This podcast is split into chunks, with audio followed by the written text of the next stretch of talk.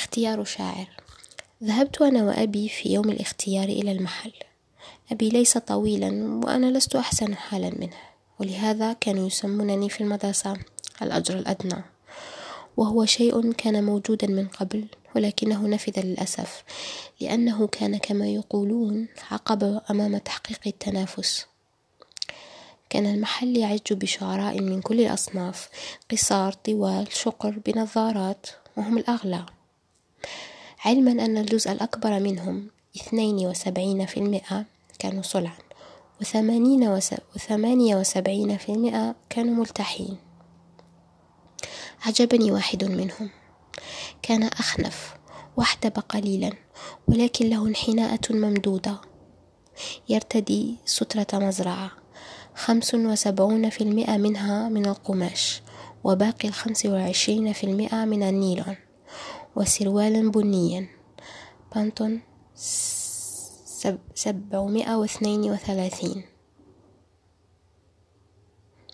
وحذاء جلديا مهترئا.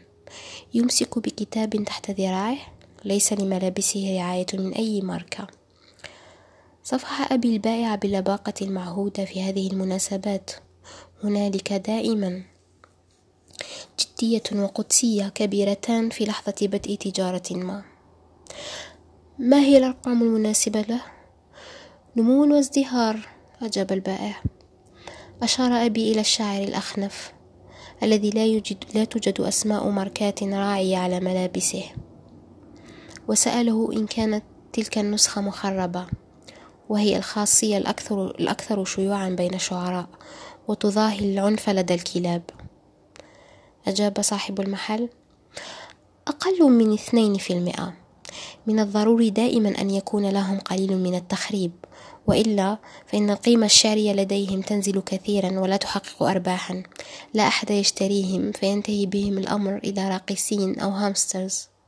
وماذا يأكل؟ أي شيء ليسوا متطلبين كثيرا في أغلب الأحيان.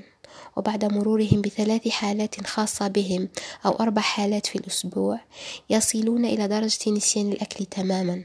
بعضهم يغادر الطعام عند المنتصف ويهيم من دون وجهة يحدث لهم كثيرا ذلك عند غروب الشمس أو ظهور القمر أو الضباب وهذا سلوك معهود وتقليدي لديهم. لا تستغربوا إن رأيتموه واق... رأيتموهم واقفين لمدة طويلة وكأنهم يقومون بحسابات ما. لا ليسوا كذلك. فهم أبسط من أن يقدروا على عملية حسابية بسيطة. تلك الوقفات هي بالضبط اللحظات التي يبدأون فيها بخلق القصائد في أذهانهم. إنها عملية باهرة. لن تندموا إن اشتريتم شاعرا. هذا علاوة على أنهم أكثر نظافة من الرسامين. سمعت بذلك.